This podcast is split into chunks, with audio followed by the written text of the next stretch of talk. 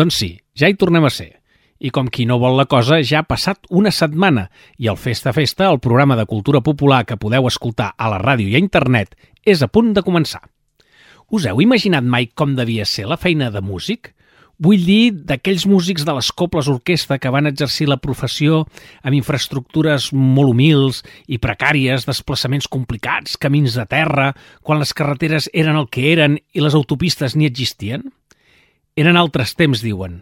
I és així però van fer la feina i ens han deixat un gran llegat. Doncs precisament el tema central del programa és el projecte Fer de Músic, que s'impulsa des del Centre de Documentació del Museu de la Mediterrània, de Torroella de Montgrí.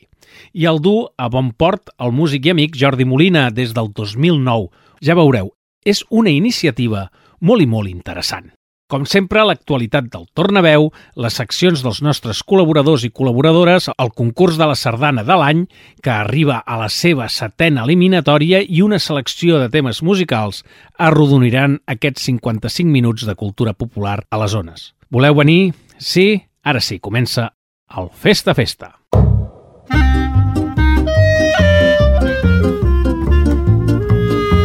Festa, festa! Cultura popular i associacionisme a la ràdio i a internet.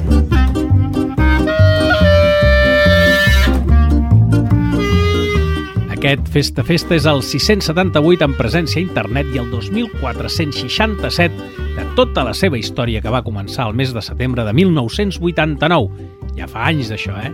I que trobareu penjat al web www.festafesta.cat a partir del divendres 3 de març de 2023, Diada de Sant Madí un cap de setmana, el del 3 al 5 de març, on podrem anar de fira a Sant Bartomeu del Grau, on hi trobarem la Fira de Natura i Muntanya, o a Capellades, on el diumenge s'hi celebra el Mercat Figater. No us ho perdeu.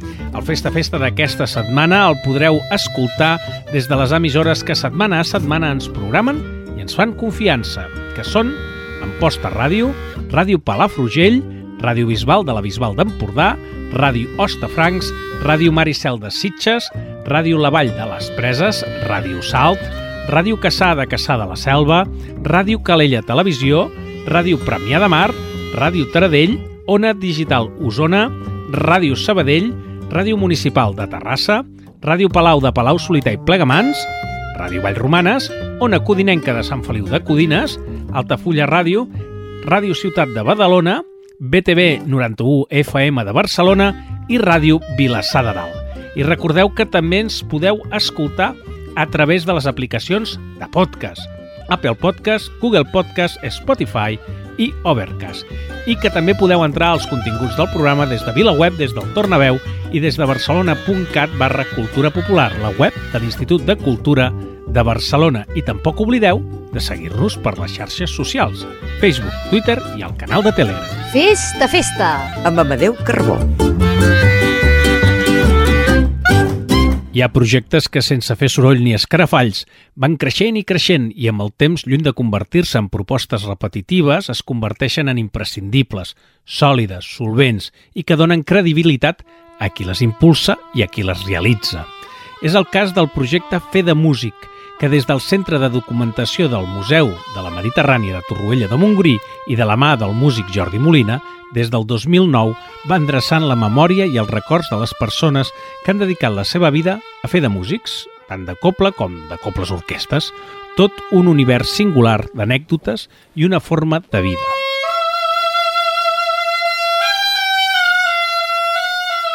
El tenor Jordi Molina ens ho ha explicat al Festa Festa. L'inici del projecte Fer de Músic és de l'any 2009. Ja als anys anteriors jo havia col·laborat amb el Museu de la Mediterrània de Torrella de Montgrí, visca Torrella de Montgrí, i aquest museu està especialitzat en temes de patrimoni, de diverses especialitzats de patrimoni, però especialment el musical. Hi ha arxiu, hi ha l'arxiu de Vicenç Bou, hi ha l'arxiu de Ricard Viladasau, de la Caravana, de l'Orquestra Caravana, de la Cobla dels Montgrins. És un poble on es va iniciar tot el fenomen de les cobles i on l'ofici de músic ha tingut molt importància en la societat torroellenca des de tota la vida, de fa molts i molts anys. Doncs des del museu, des de la direcció del museu, em van comunicar que els hi faria gràcia, que voldrien tenir o enregistrar en pel·lícula, en documental, els testimonis dels músics torroellencs o de la comarca vinculats a aquestes cobles orquestes locals. I així van començar, doncs vam anar a casa d'ells, els vam entrevistar, vam recollir mm, fotografies i ens va semblar una molt bona idea que quedés a l'arxiu doncs, aquest testimoni explicant doncs, l'ofici de músic, els canvis que havien hagut, què havien viscut ells, la seva trajectòria, també els canvis en les festes majors, una mica això que es testimoniessin la seva vida en aquest ofici. Primer vam començar, com deia, amb músics locals, però després ens va semblar dient i molt bona idea, va agradar molt que es fes i que teníem el deure i les ganes de fer-ho a tot Catalunya i així es va continuar fins ara un projecte que té uns objectius molt clars. Els objectius del Fer de Músic són diversos. Primer de tot, homenatjar la gent, les persones que han dedicat la seva vida a aquest ofici, l'ofici de músic, vinculat sobretot l'ofici de músic vinculat al món de la sardana i les cobles orquestes de Catalunya. La sardana és un fenomen nacional que va començar a les comarques de l'Empordà i que a més a més va fer que hi haguessin unes formacions, unes cobles, ja des de mitjans de, del segle XIX i és un fenomen molt important. El fet de que quedés gravat aquest testimoni doncs, és l'objectiu principal. En els músics els hi demanem que ens expliquin primer la seva trajectòria, després com ha canviat l'ofici de música els anys des que ells van començar fins a la seva jubilació, també com han canviat les festes majors, quines feines feien, quines no feien, quines... Eh, bueno, una mica això, no? El fet de posar al dia tota aquesta trajectòria i evidentment també músics, anècdotes, passatges d'aquestes vivències de tot aquest ofici tan, tan ric. Fer de músic, amb el temps, ha anat creixent i madurant. Doncs ja portem 56 entrevistats des de l'any 2009. Aquell primer any en van fer 8 seguits i a partir de llavors doncs, sempre en fem 4, habitualment 4 entrevistes. Fem una llista, preparem una llista i consensuem aquests 4 noms. Il·lusió a mi em fa tothom, però és evident que quan ja hi ha músics o personatges que ens han deixat, doncs adquireix una, una visió especial aquesta entrevista, no? Uh, jo tinc un molt bon record i penso que és molt important tenir una entrevista al Manel Oltra sencera i explicant ell totes les seves vivències, la seva trajectòria. Continuar, tercer de solfeig i que vaig començar el piano. Això era l'1 de febrer del 37. En Martirià Font també, que aquest any precisament es compleix el centenari del, del seu naixement, la Pepita Llunell, en Joan Parés, que aquest any ens ha deixat, o en Jaume Vilà, aquesta tardor ens han deixat els dos, dos dels instrumentistes més importants de la història de la cobla, un tiple i l'altre tenora, doncs encara ara recordar-los i escoltar les seves vivències i que ens expliquin la seva vida com a músic, doncs a mi és una cosa que m'emociona. Un projecte en futur.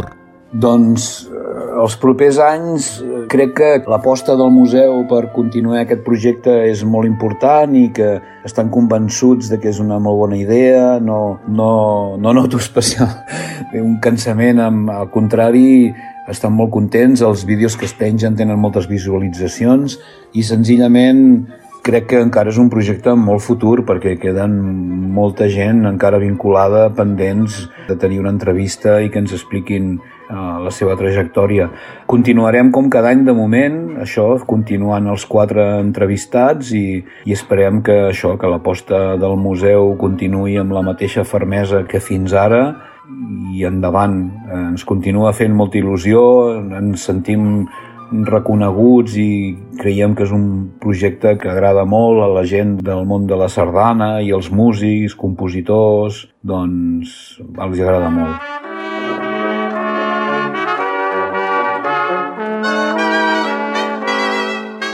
I molt important, un fons que creix però que també és consultable per tothom.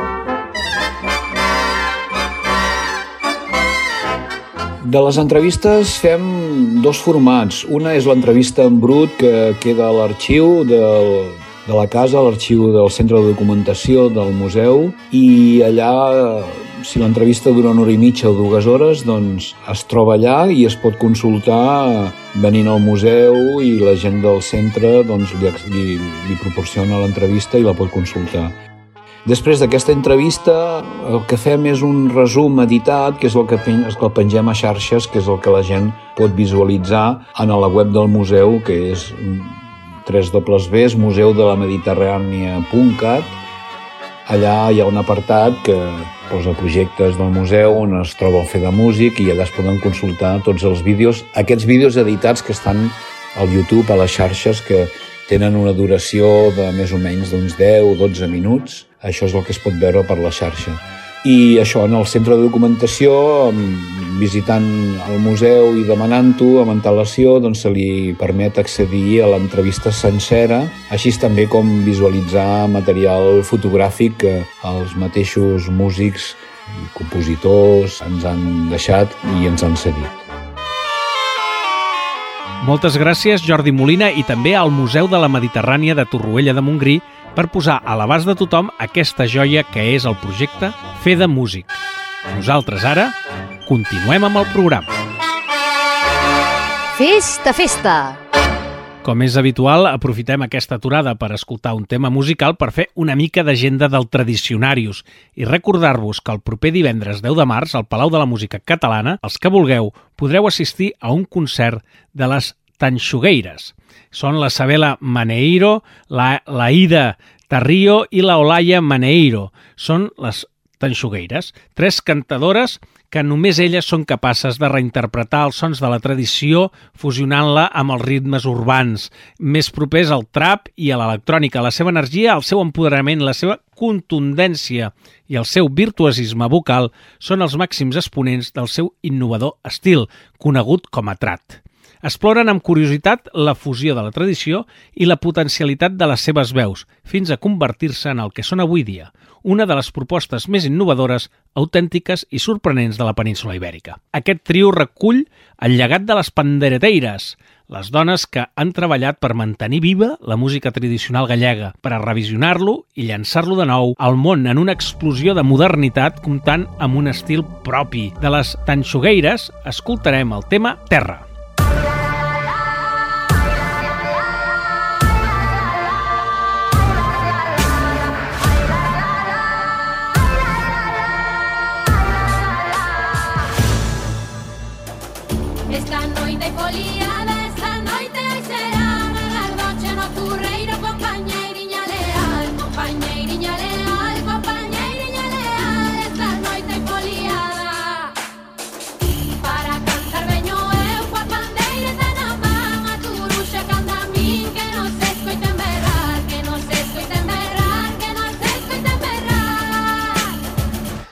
Monday,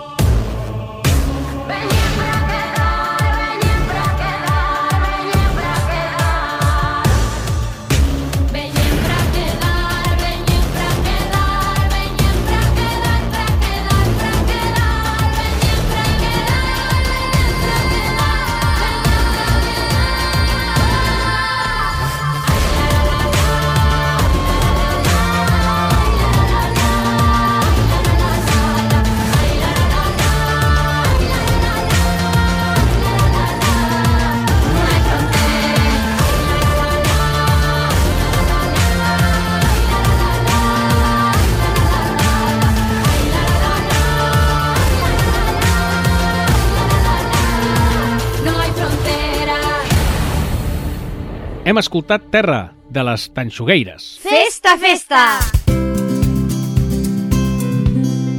La Cristina Costa, de l'ENS de l'Associacionisme Cultural, ens ha preparat una selecció de notícies de l'actualitat associativa. Com cada setmana i en forma de breus, és el moment de les notícies del Tornaveu. Endavant, Cristina! Moltes gràcies, Amadeu!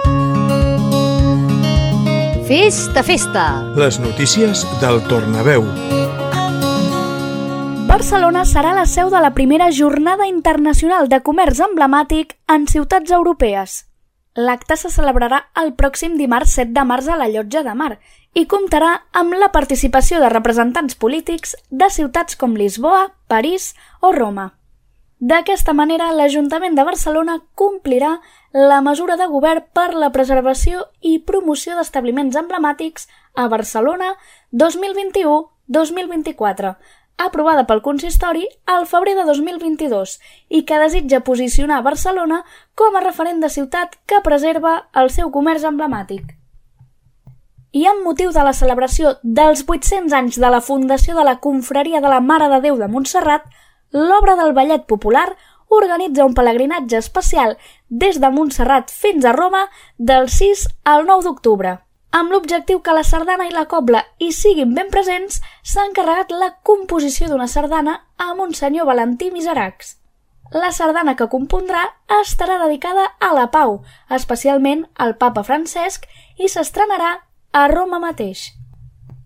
I el pròxim dissabte 18 de març a les 5 de la tarda tindrà lloc la primera gala del joc tradicional a la població de la Ràpita. La jornada serà el punt de trobada de totes aquelles persones que no han perdut mai les ganes de jugar i de compartir. A l'acte, que està impulsat per la Federació Catalana de Joc Tradicional, es lliuraran els Premis Baldufa, que reconeixeran entitats i persones que han treballat per mantenir viu el joc tradicional. I Edicions Sidillà presenta una novetat editorial – és el llibre titulat Jaume Arnella, artesà de cançons, escrit pel periodista Ferran Riera Vives. La publicació presenta la vida i l'obra del músic i també un relat sobre la recuperació de la música tradicional i de la cultura popular a Catalunya en plena dictadura franquista a mitjans dels anys 60. I per acabar, el Departament de Cultura de la Generalitat de Catalunya ha impulsat recentment la campanya Fem Cultura Popular. L'objectiu de la campanya és visibilitzar i homenatjar la cultura popular, però també fer-la valdre i animar la gent a participar-hi. L'espot està protagonitzat per cares conegudes del món de la cultura popular, com ara la cantant Mariona Escoda o l'actor Lluís Omar. Pots trobar més informació al portal web www cultura.gencat.cat. Gràcies, Cristina Costa, i fins la setmana que ve. Recordeu que si voleu estar ben informats, tornaveu.cat s'actualitza diari. Us recomanem que hi entreu i remeneu. Festa, festa! I arriba el moment de la sardana de l'any, que recordem que ens acompanyarà fins a finals de maig, concretament fins al 27 de maig, que celebrarà la final al Casino de Lloret de Mar. La sardana de l'any és un concurs radiofònic on els oients voten les sardanes estrenades, en aquest cas les del 2022, i que competeixen entre elles per arribar al concert final on s'escollirà la sardana de l'any. I aquesta setmana toca la setena eliminatòria i ens la presenta, com sempre, la Mercè Herrero.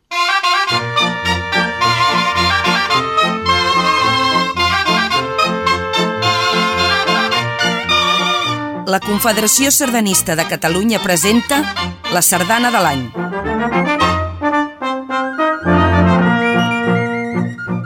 Setena eliminatòria. Sardana número 1. Els colors de l'estany. Dan Navat. Cobla principal del Llobregat.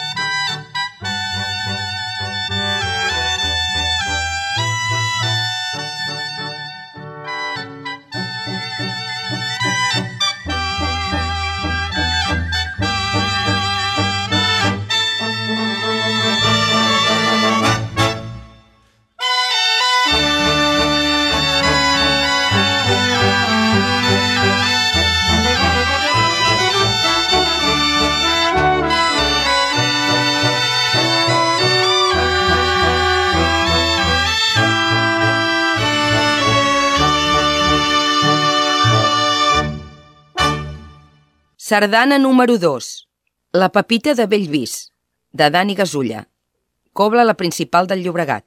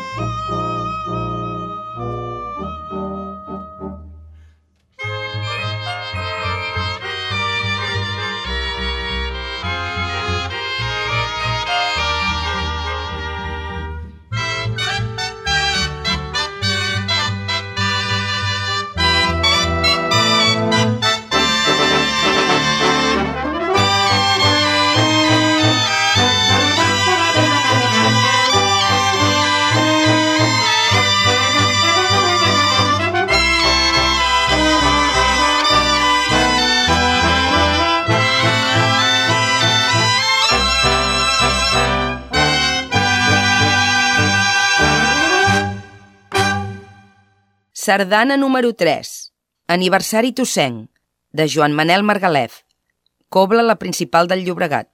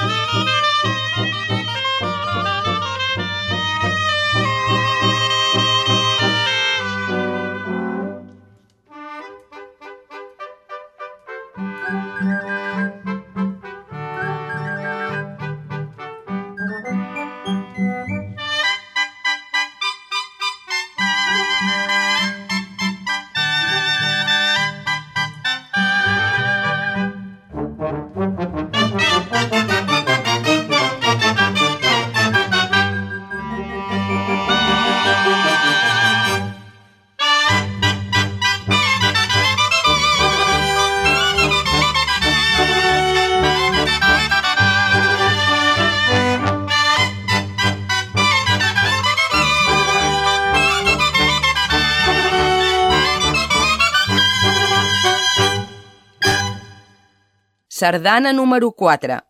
Josep i Fina, sardanistes igualadins, de Ferran Carballido. Cobla la principal del Llobregat. Thank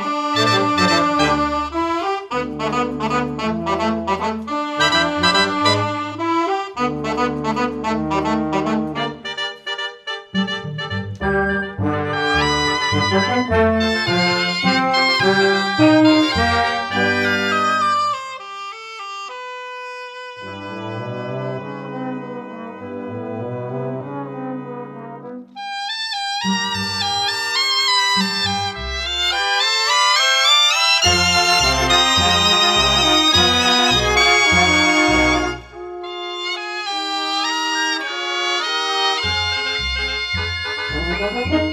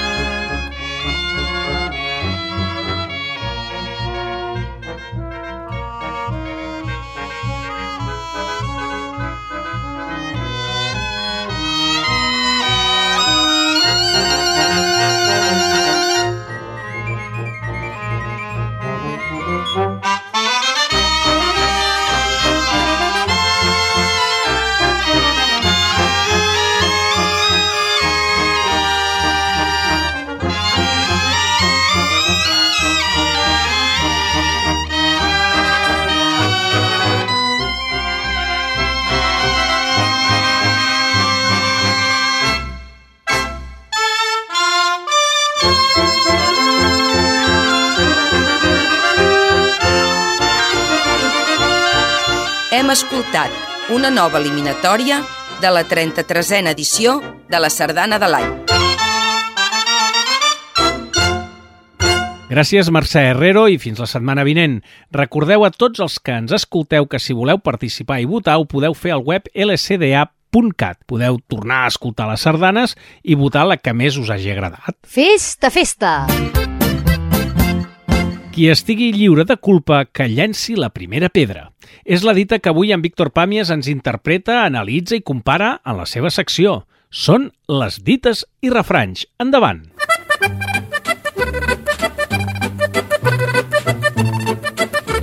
Fes a festa. Dites i refranys. Amb Víctor Pàmies. Qui estigui lliure de culpa que llanci la primera pedra. Qui acusa un altre del que sigui, cal que s'examini ell mateix abans.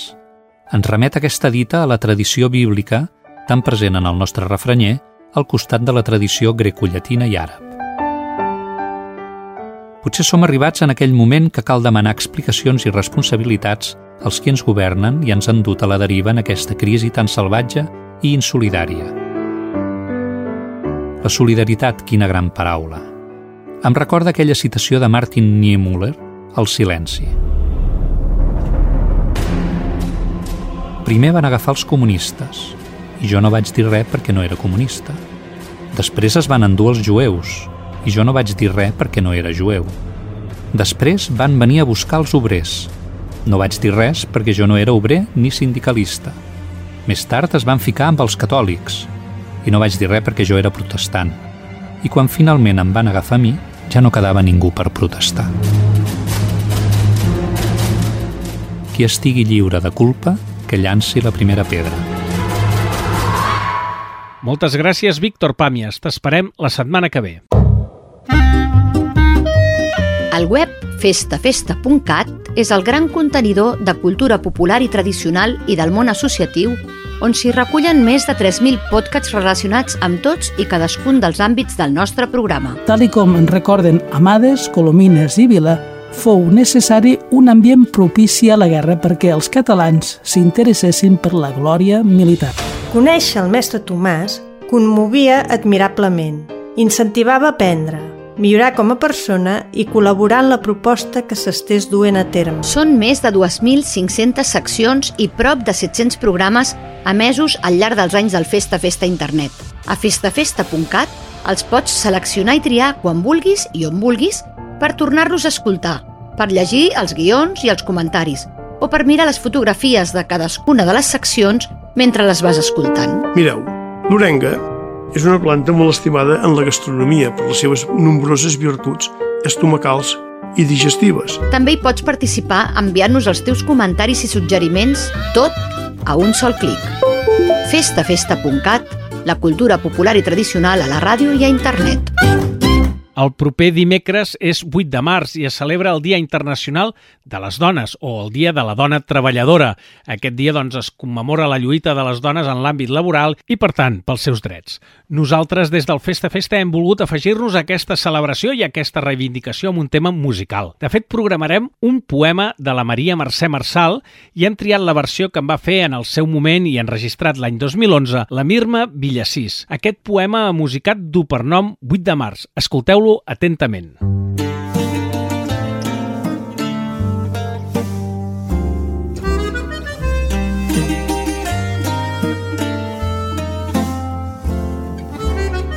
Amb totes dues mans alçades a la lluna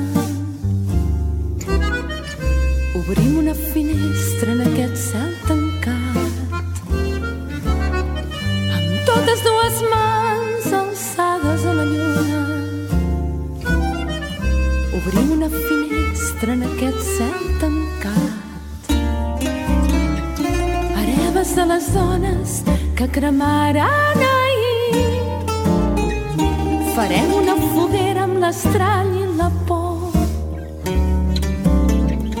I acudiran les bruixes de totes les edats. Deixaran les escombres per pastura del foc Cossis i draps de cuina, el sabó i el blauet. Els pots i les cassoles, el fregall i els bolquers.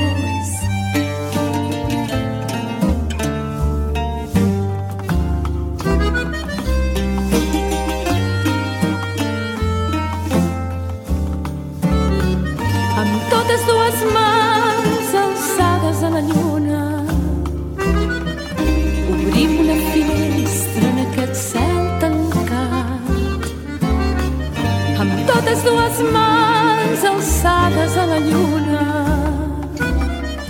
Obrim una finestra en aquest cel tancat.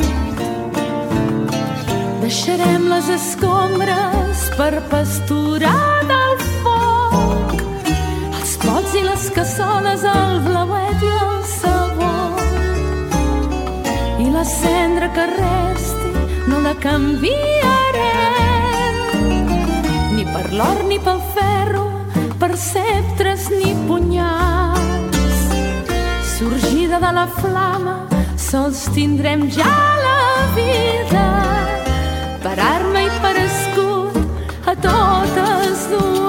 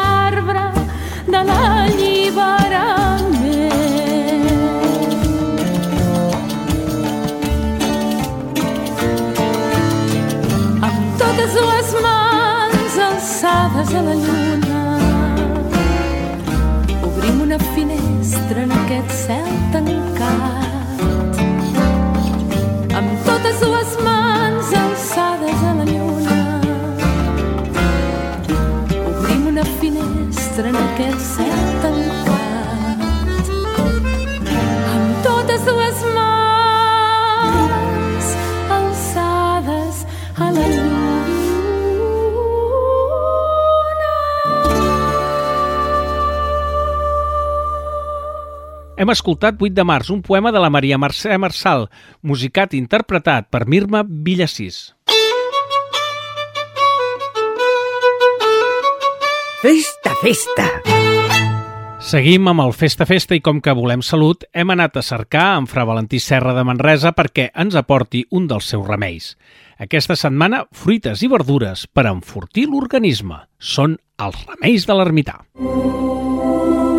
Festa, festa. Els remeis de l'ermità. Un espai produït amb la col·laboració del calendari de l'ermità dels Pirineus. Guió i veu de Fra Valentí Serra de Manresa, arxiver dels Caputxins. Pau i bé. Déu us guard!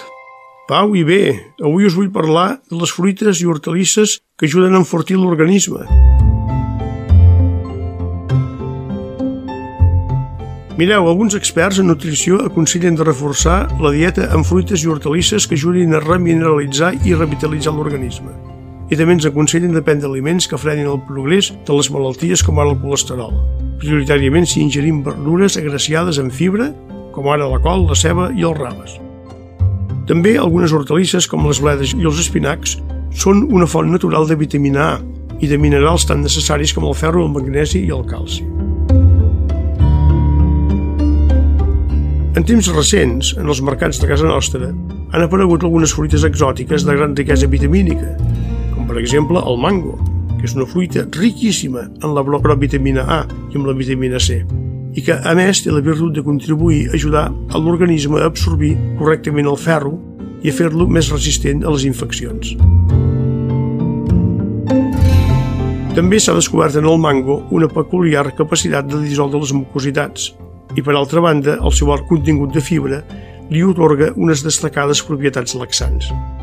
Com que els antics frares no coneixien encara el mango, només el conegueren quan anaren en països de missió a ultramar, per tal de dissoldre les mucositats, se solien servir de la infusió de fulla de murtre i per vitalitzar l'organisme solien menjar figues seques, que són un bon remineralitzant ossi molt agraciat amb calci i amb ferro. Moltes gràcies per l'atenció. Gràcies, Fra Valentí Serra de Manresa, per aquests remeis que ens aneu descobrint cada mes. I arribem a la secció musical del programa. La Marta Ibáñez ens du un tema musical conegut com Pere Sac i Cordes. Són les cançons picants. Festa, festa! Cançons picants. Una secció preparada i presentada per Marta Ibáñez. En Pere Sac i Cordes. La gent d'Olot tenen un repertori molt interessant de cançons pròpies de la seva comarca. En dos reculls fets ja fa temps trobem una cançó divertida que ens explica què li va passar un dia de pluja al pobre Pere. Com que duia la roba molla i se la va haver de treure per aixugar-la al foc, va trobar algú que se li va posar contenta amb la situació. Com que era vídua, deuria tenir necessitat del que tenia en Pere. Ah, i tot això passava un dimarts de Carnaval, dia que ja es presta a situacions poc normals. Sentirem la versió publicada al disc Reputicànticus, enregistrat a Olot a l'abril del 1981, al Teatre Principal d'Olot. I intervingueren els membres de la rondalla de la llar del pensionista. En Rafael Sala va fer la recopilació juntament amb Teresa Planagumà. Mm.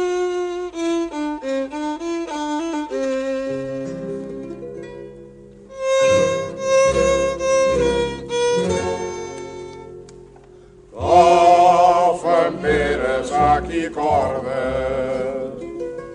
El dimarts de Carnaval, bon на воскранение Йове. Desafiant el temporal, en Pere va anar a la cot i ben mai va tornar a olar. Nens en Pere mai vol diligent fins van a tot puja batent, puja batent, va anar la cot, d'ell moll va tornar a Olot i es va eixugar la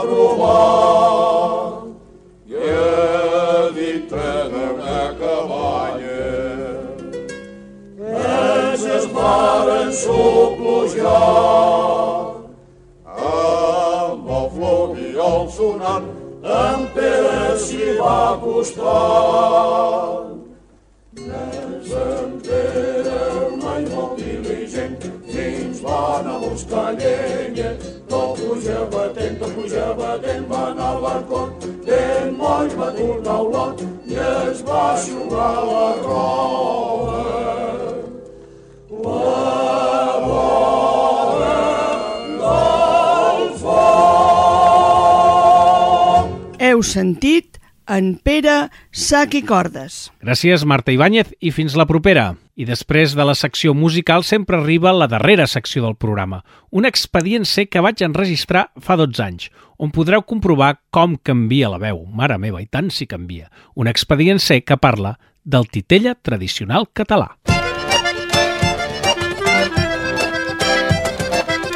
Festa, festa. Expedient C, amb Amadeu Carbó. Els espectacles de titelles són representacions que als seus orígens hem de cercar-los a les primeres civilitzacions. És un art universal que al llarg de la història ha modificat i perfeccionat la posada en escena. Sovint considerem que el teatre de titelles és un espectacle exclusivament per infants, però no és així. Pel que fa a les tècniques de manipulació titellaire, cada cultura ha creat les seves. Avui podem classificar la manipulació de titelles en múltiples tècniques que van des de les conegudes i complexes marionetes de fils, a les de tija, a les de dit, a les de guant i a les titelles portades, entre d'altres.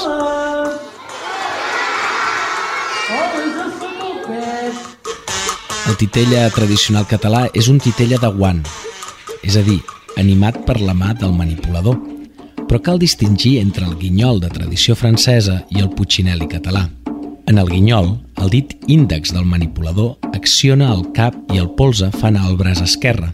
Amb els altres dits, el manipulador belluga el braç dret del titella i quan cal mou el vestit. El titella català es manipula amb els cinc dits de la mà. Tres per al cap i dos per les mans. És singular perquè té espatlles i això li dona una presència molt més realista i humana que el guinyol, però al mateix temps el fa més pesat de manipular. Ai, mare meva! Ai, quin fàstic! Ai, un gripau m'ha dit que m'estima! Eh, perdona, princesa, però jo no sóc cap gripau. Sóc un príncep. La pervivència de la tradició no està renyida amb l'evolució. Sóc el teu príncep. Originalment el titella era de fusta, normalment de tiler. A finals del segle XIX es van introduir els ulls de vidre i els cabells naturals. I ara s'ha fet un pas més amb l'ús de les fibres de vidre. Els personatges són arquetips i representatius, amb noms diferents segons el titellaire, però d'aparença i personalitat típiques. Són en Perico, un camperol valent i llest, i el seu amic curt de gambals Tòfol, la seva enamorada Cristeta, el dimoni Banyeta no hi pot faltar mai, l'amo i el representant de l'autoritat, que en molts indrets l'anomenen l'urbano. Vet aquí, Una vegada, en un país molt lluny d'aquí, hi vivia un rei. Les històries són de trama senzilla i sovint acaben agarrotades. Un altre dels elements clàssics és el ball del tururut, una peça de l'obra El titella pròdig que Santiago Rossinyol va escriure per actors i que molts titellaires el van incorporar en el seu repertori. Així fan, fan, fan els petits bonics titelles, així fan, fan, fan, fan tres voltes i se'n va. Al teatre de titelles, titellaires i públic comparteixen un gran joc. Juguen a fer veure que els objectes es personifiquen. En paraules del filòsof mexicà Víctor Molina, titelles, marionetes, ombres, objectes, autòmates i robots continuen parlant des d'allò que no té parla i sobre allò de què no es pot parlar. Aixecant el dit, els petits bonics titelles, aixecant el dit, els titelles s'han adormit.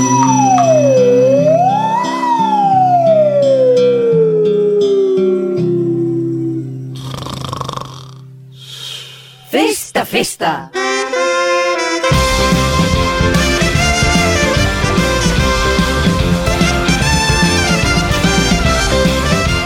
Arribem al final del Festa Festa d'aquesta setmana, un Festa Festa que l'hem fet entre moltes persones que aquesta setmana hem estat, Víctor Pàmies, Cristina Costa, Mercè Herrero, Fra Valentí Serra de Manresa, Helena Mayor, Eulàlia Molera, Antoni Serés, Marta Ibáñez, Joan Serra, Josep Maria Dell i qui us ha parlat, l'Amadeu Carbó.